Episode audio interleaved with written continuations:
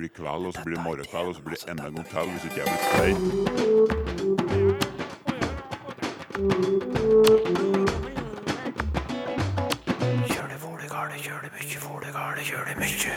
I dag byr Språkteigen på et gjenhør med utvalgte saker. Hansen, Johansen og Olsen regjerer på etternavntoppen, men er på vikende front. Ja, det er faktisk dramatisk, slik at de sennavnene som er vanligste, de eh, minker i tallet på personer. Hvorfor er vi så snare til å bruke uttrykket 'ikke sant'? De eh, vil ha en bekreftelse fra samtalepartneren. Og vi slipper til både Toril Oppsal, Tor Erik Gjenstad og Sylfest Lomheim med svar på lytterspørsmål.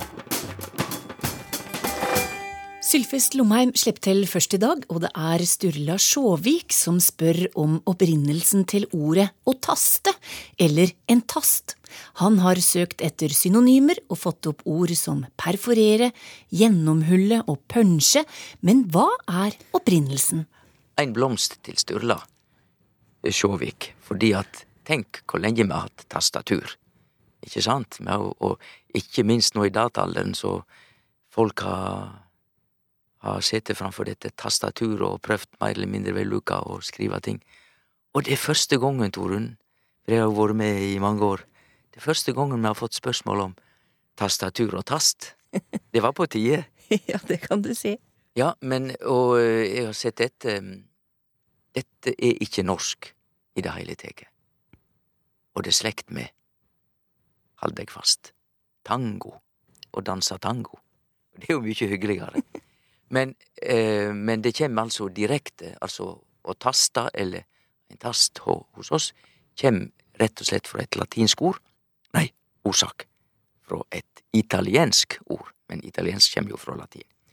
Og dette italienske ordet er tasto, og det betyr knapp. Og dermed så er det jo heilt tydelig og lett å forstå. Et tastatur er et sett med knapper, og en tast er altså en knapp vi trykker på. Men så er det jo dette ordet tasto på italiensk. Det er i slekt med et annet ord vi kjenner, tangent, og det kjem rett fra latin, et latinsk verb tangere, som betyr å berøre.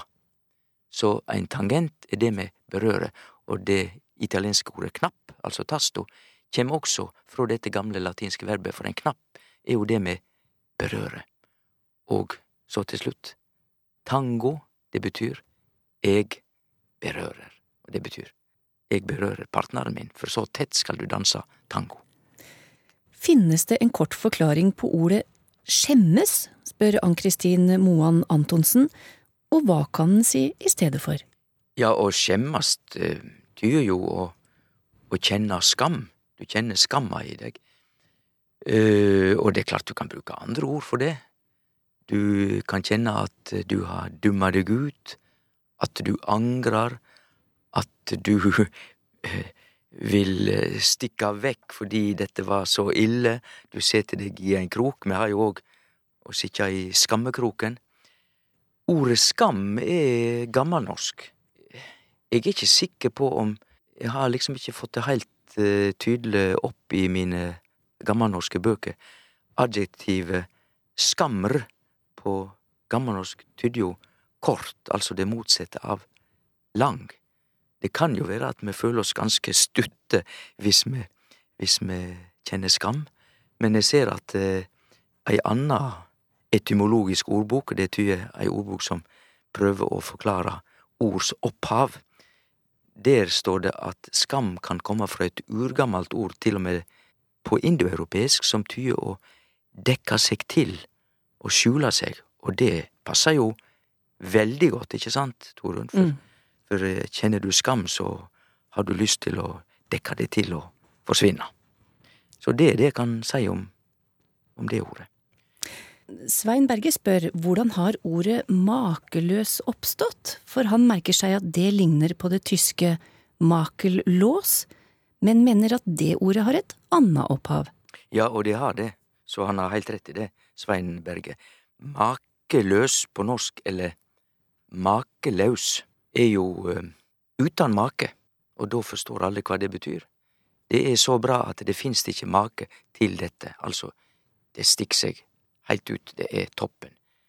Derimot, det tyske ordet makel, det betyr jo en mangel eller en feil, og dermed så blir jo det uttrykket heilt annerledes. Makel, lås, på tysk betyr utan mangler, utan feil, men det er jo ikke langt unna det norske, men altså, sjølve ordet er noe annet.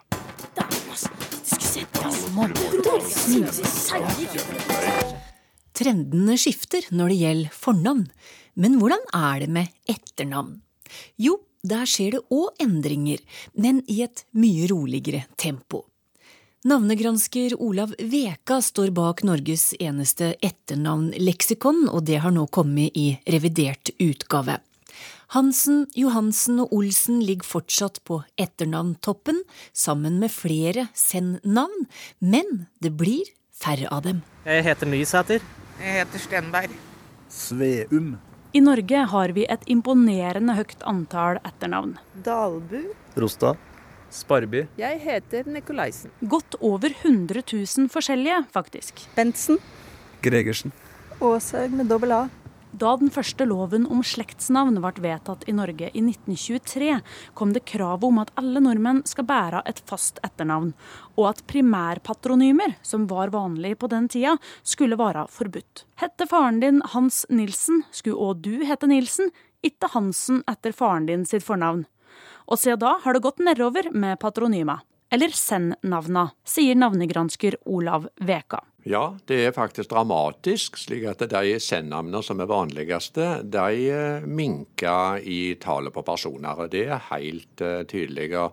De er rett og slett ikke identifiserende nok. Jeg heter Haugen. Over 14 000 nordmenn heter Haugen, noe som kvalifiserer til en 15.-plass på lista over mest brukte navn. Kun slått ta Hansen, Johansen, Olsen, Larsen, Andersen, Pedersen, Nilsen, Kristiansen, Jensen, Karlsen, Johnsen, Pettersen, Eriksen og Berg. Men sjøl om dette er stødige og gode navn, er det ikke mye identitet i dem. Statistikken viser en overgang fra farsnavn til gardsnavn. Når folk har valget mellom ett som er mer identifiserende, som et gardsnavn, så vil de ofte velge det. Hva heter du til etternavn? Krøgstad.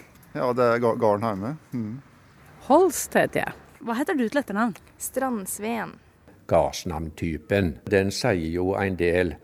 Den sier litt om geografi, og den kan si litt om den sosiale bakgrunnen. Det er mange gardsnavn ikke sant, som har bakgrunn i småbruk, som ligger i utkanten av et uh, større gardsområde.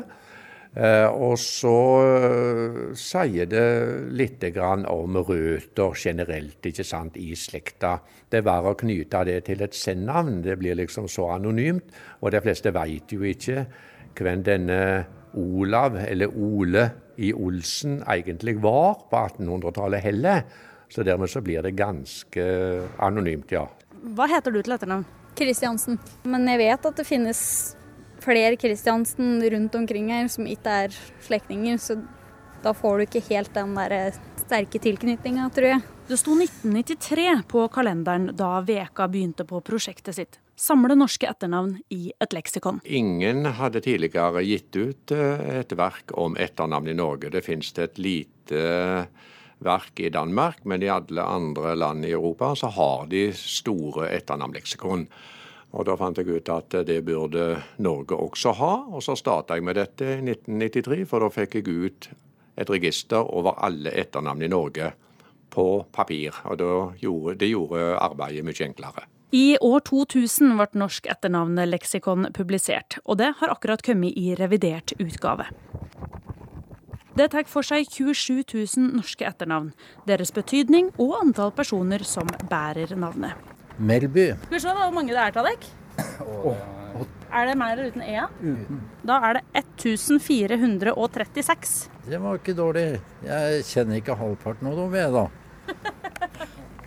Og for at oppgaven skulle være overkommelig, så må det være minst 25 navnebærere for at det skal listes opp.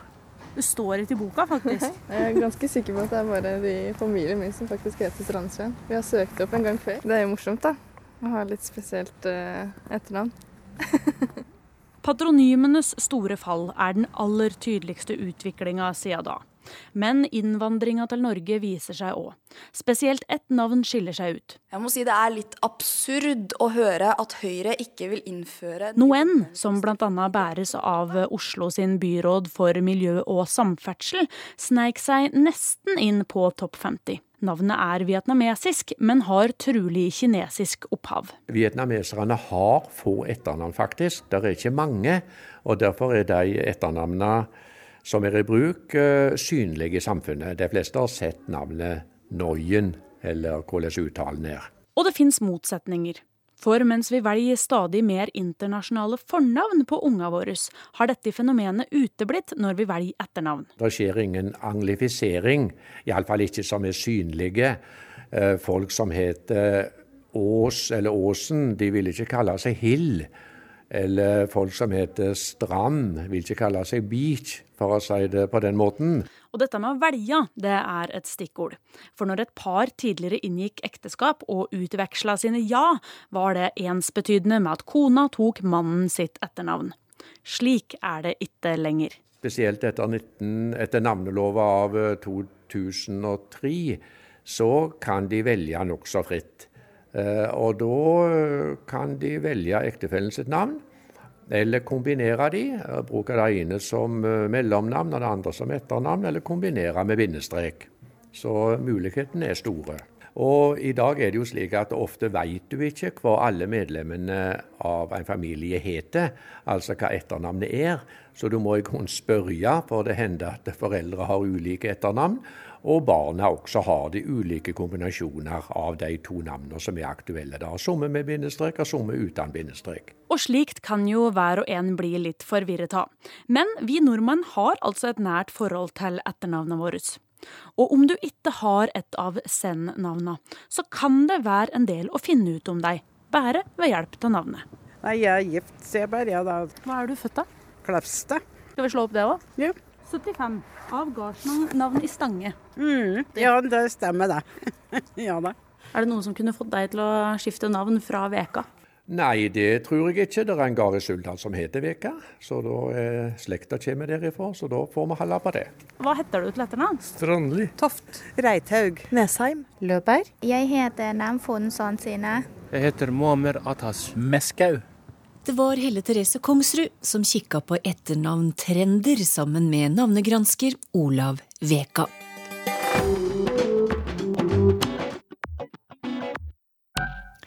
Vi skal videre i bunken med lytterspørsmål, og til deg, Tor Erik Gjenstad.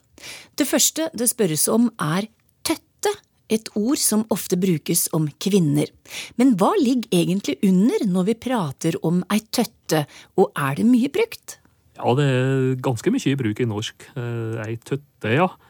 Eh, mest på eh, ja, Vestlandet, Trøndelag og Nord-Norge, så det er ikke et nordvestlig ord, men det er jo enkelte innslag østafjells på det. Og ei tøtte, da, det er nå ei som Ja, gjerne det er ei som har bein i nesen, ei som er litt sterk og handlekraftig. Men det kan òg brukes om ei lita jente, rett og slett.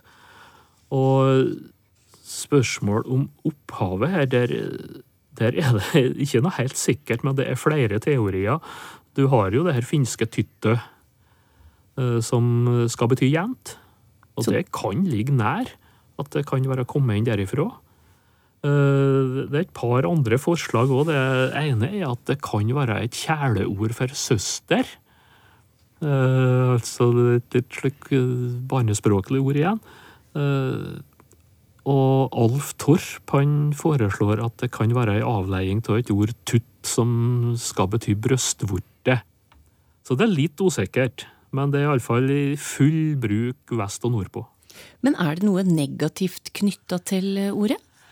Det kan være det. Det kan være både negativt og positivt, alt dette sammenhengen. Ei tøtt kan være sterk og handlekraftig, som sa, men det kan jo være ei som er litt lite respektert, eller ei som er litt overlegen òg, så det er mange forskjellige betydninger av det. Hvor kommer ordet semmert fra, spør Gro Mesna Andersen. Dialektordet er synonymt med dårlig, kjedelig eller kjipt, og hun brukte det mye da hun vokste opp på Kongsberg. Men altså, hvor kommer det fra?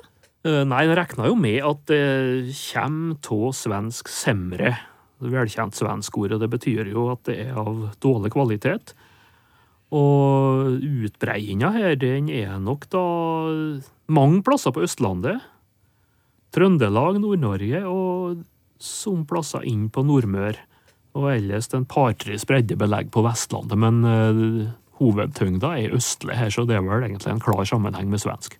Så skal vi videre til ubehagelige flygende insekter. På Senja så sa vi alltid hatter om slike, altså det kunne være mye eller lite hatter. Og kan dere si noe om opprinnelse og utbredelse av dette ordet, spør Arne Eriksen.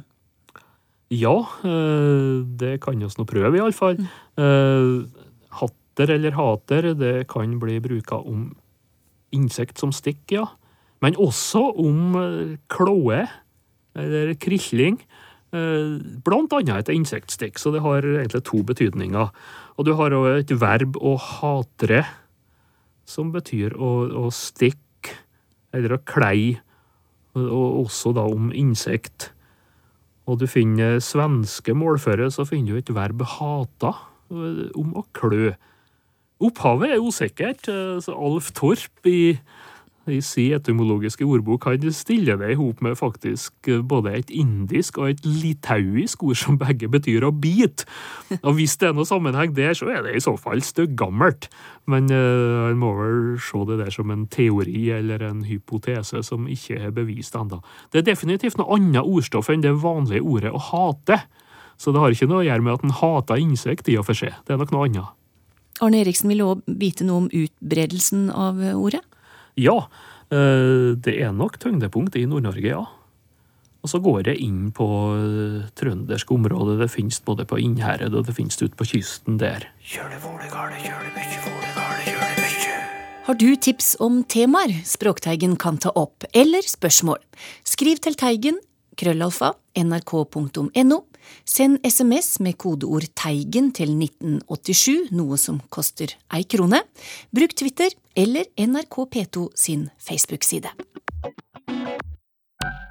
Språkteigen har fått et spørsmål fra Erik André Mamen om fenomenet Ikke sant?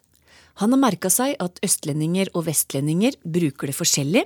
En bergenser vil eksempel si du skal på konserten, sant? Mens en fra Oslo ville sagt du skal på konserten, ikke sant? Og han spør hvorfor sier vi det forskjellig, og hvorfor spør vi på denne måten i det hele tatt? Vi kan starte med det siste først, og jeg stiller spørsmålet til deg, professor i nordisk språkvitenskap ved Universitetet i Oslo, Jan Svenvik. Vi spør på denne måten fordi vi eh, vil ha en bekreftelse fra samtalepartneren. Det vil si spør og spør, fordi det som kommer først er en utsagnssetning og ikke en spørresetning. Eh, du skal på konserten er jo en påstand. Ja. Men så hekter man på sant eller ikke sant for å gjøre det om til et spørsmål til å søke bekreftelse, og ikke bare ta det for gitt. Så hva slags funksjon har dette uttrykket ikke sant, da? Jo, det er jo da enten at man eh, søker enighet, at den andre er enig med deg. Eh, F.eks. at den konserten var fin, ikke sant? Eller at eh, man eh, sier noe man regner med den andre vet fra før av. Eh, Universitetet i Oslo ligger på Blindern, ikke sant? Og så tar du derfra tar du banen videre. Så man tar utgangspunkt i noe man regner med at den andre vet fra før av. Så Mm. det er det å etablere fellesskap, samhørighet rundt noe informasjon som man regner med at man deler informasjon eller vurderinger. Så hvorfor har vi dette behovet, da? Nei, si det. Eh, eh, samtale dreier seg jo ikke bare om å fortelle min side, min informasjon, min side av saken, og få høre din side, men det er jo også det å etablere fellesskap eh, og samhørighet mellom partene. Så vi har jo mange uttrykk eh, som har denne funksjonen, å si at de regner med at vi vet det samme, at vi er enige, osv. Ja, bare, vi kan komme til flere sånne eksempler på det, men dette her er jo noe mange vil kalle et fyllord eller et fylluttrykk, og det blir ofte oppfatta som en liten uting, gjør de ikke det? Jo, mange sånne ord og uttrykk som dette her eh, har jo litt uh, dårlig rykte uh, og får røde streker i skriftlige tekster og sånn. Ja. Men eh, dette er jo først og fremst et samtaleuttrykk fordi det så veldig tydelig eh, søker bekreftelse av en samtalepartner der og da, så du finner ikke så mye ikke sant i skriftlige tekster, vil jeg tro. Så lurer Erik André Mamen på denne forskjellen mellom øst og vest og sant, ikke sant. Hvordan forklarer vi det, da? Ja, det er nok uh, bare et ikke sant som er blitt litt forkorta i uh, muntlig språk. Det er nokså vanlig det at man med sånne fraser som man bruker ofte, uh, reduserer dem litt. Grann. Ja. Så jeg vil jo tro at vestlendingene her har uh, starta ut med ikke sant, og også forkorta det til sant. Men når det er sagt, så kan man jo også notere at det fins en annen sånn regional variasjon, og det er at på Sørlandet så sier man ikke vel med samme funksjon. Så hvilke andre ord bruker vi da for å få denne bekreftelsen eller fellesskapsfølelsen? F.eks. for eksempel jo eh, har noe av det samme funksjonen med å si at jeg regner med at dette vet du allerede, eller jeg regner med at du er enig. Sånn at man kan si eh, f.eks. at den filmen var jo fin. Denne konserten har vi jo hørt. Da regner jeg med at du du er enig i at, at, dette vet du allerede. Så jo er en sånn markør for felles kunnskap og enighet. Ehm, så hvis man skal ikke forutsette altfor mye kjent, så må man jo stille ting som stiller et spørsmål heller. ikke sant? Hva syns du om filmen?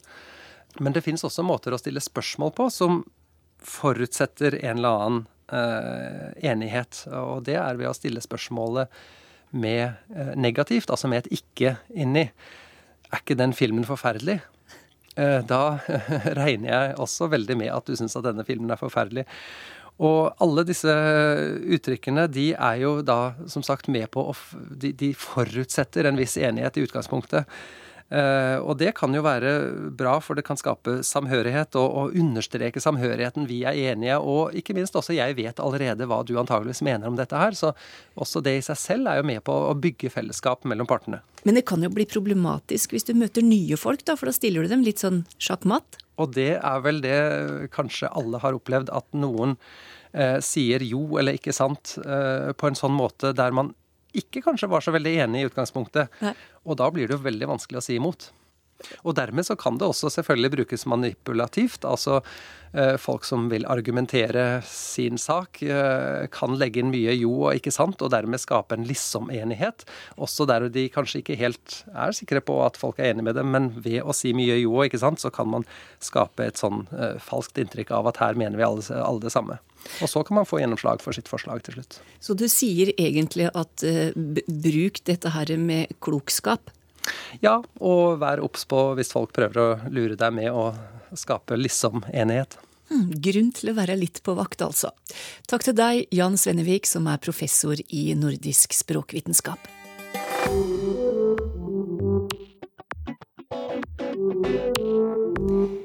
Ordet omkalfatring blir brukt om endringer, men hva er bakgrunnen for ordet, spør Knut Georg Jensen, og spørsmålet går til deg, Toril Oppsal. Altså, Hvis det er, det er verbet her. Det er, verb, det er faktisk et verb. Eh, det har mange eh, betydninger, men her mistenker jeg at det er den betydningen som er henta fra sjølivet og sjømannslivet vi skal ta utgangspunkt i. Eh, fordi her handler det å kalfattere det handler om å tette en skuteside eller et dekk. Med tjære, f.eks. Eh, og dette her har en parallell i arabisk. Et ord som høres veldig ut som kalfatre, som nettopp betyr å tjærebre et skip. Eh, og når du har fått reparert skipet ditt, så er det klart til ny dyst. Så her har du rett og slett muligheten til å ta fatt på nytt og foreta en endring og få en ny start. Eh, ordet har nok spasert inn til oss i norsk via nederlandsk, men det å igjen snu og reparere å få til noe på nytt. Det er nok det som ligger bak det å omkalfatre. Eh, men kalfatring har også andre betydninger i norske dialekter. Det handler både om å snuble og kløne og denge. Men, men alt, alt, har, likevel noe med det å ta i et tak og få til noe nytt. Astrid Marie Bauer stusser litt på nødsignalet mayday. Hvordan har det oppstått at det har blitt et nødsignal? For hun syns ikke situasjonen det ordet brukes i, står i forhold til hva han vanligvis legger i det, altså en maidag. Det gir jo lyse og vennlige assosiasjoner. Jeg er helt enig at en maidag stort sett gir lyse og vennlige assosiasjoner. Det har vel vært noen eh, politiske maidager som ikke har vært så lysevennlige, men dette er faktisk ikke en maidag. Eh, Jeg skjønner godt at lytteren eh, får de assosiasjonene, men dette er rett og slett en gjengivelse av engelsk uttale av et fransk uttrykk. Det er med det, hjelp meg, som da altså blir skrevet 'my det set', eller MID, avhengig av eh, hvilken grammatisk konstruksjon du bruker. Men det er altså med det, uttalt på engelsk, hjelp meg. Eh, Dette her er jo en internasjonal, godkjent nødsignalbruk. Eh, Det jeg har klart å grave opp, er at den ble nå i hvert fall fastslått på 1940-tallet, men det eksisterer mange historier om hvor og når den oppsto. Eh, Jeg veit ikke om jeg kan gå god for noen av dem, men at det i hvert fall handler om det å fange opp noe tydelig som også vanskelig kan misforstås som noe annet. Og der er det også en del konvensjoner ute og går der man faktisk er nødt til å si mayday flere ganger. Jeg lurer på om det er tre ganger. Mayday, mayday, mayday når du er i nød. Sånn at man forstår at dette her er en alvorlig situasjon, og ikke en som snakker om noe annet. F.eks. en maidag. Mm. Iver Sørdal har lagt merke til at gladsaker i aviser gjerne kan portrettere folk og beskrive dem i positive vendinger som smørblide. Han oppfatter ikke det positivt, for han høres det mer overdrevent og falskt blid ut. Hva sier du til det, Toril? Eh, Iver Sørdal han eh, er observant, fordi det er helt tydelig at denne negative klangen av smørblid er den som har blitt mest brukt. Eh, og det jeg har klart å finne når jeg har gått gjennom noen, noen, eh, noen korpus og tekstsamlinger, så er det den negative. Men begge betydningene, både den overdrevent blide og den svært blide, er tilgjengelige. Og det ser du også eh, i håndordbøker. Så står det veldig ofte overdrevet og eh, Unnskyld, det står svært og ofte overdrevet blid. Så, så det er greit å bruke dette også om noe positivt, men, men jeg, jeg, som Iver Stjørdal så reagerer jeg, jeg reagerer litt på det. Det er denne litt eh, overdrevne blide jeg også først og fremst ser for meg. Men, men den er tilgjengelig, denne veldig blide også. Ja, det sa Toril Oppsal, og med det er Språkteigen slutt. Ha det bra!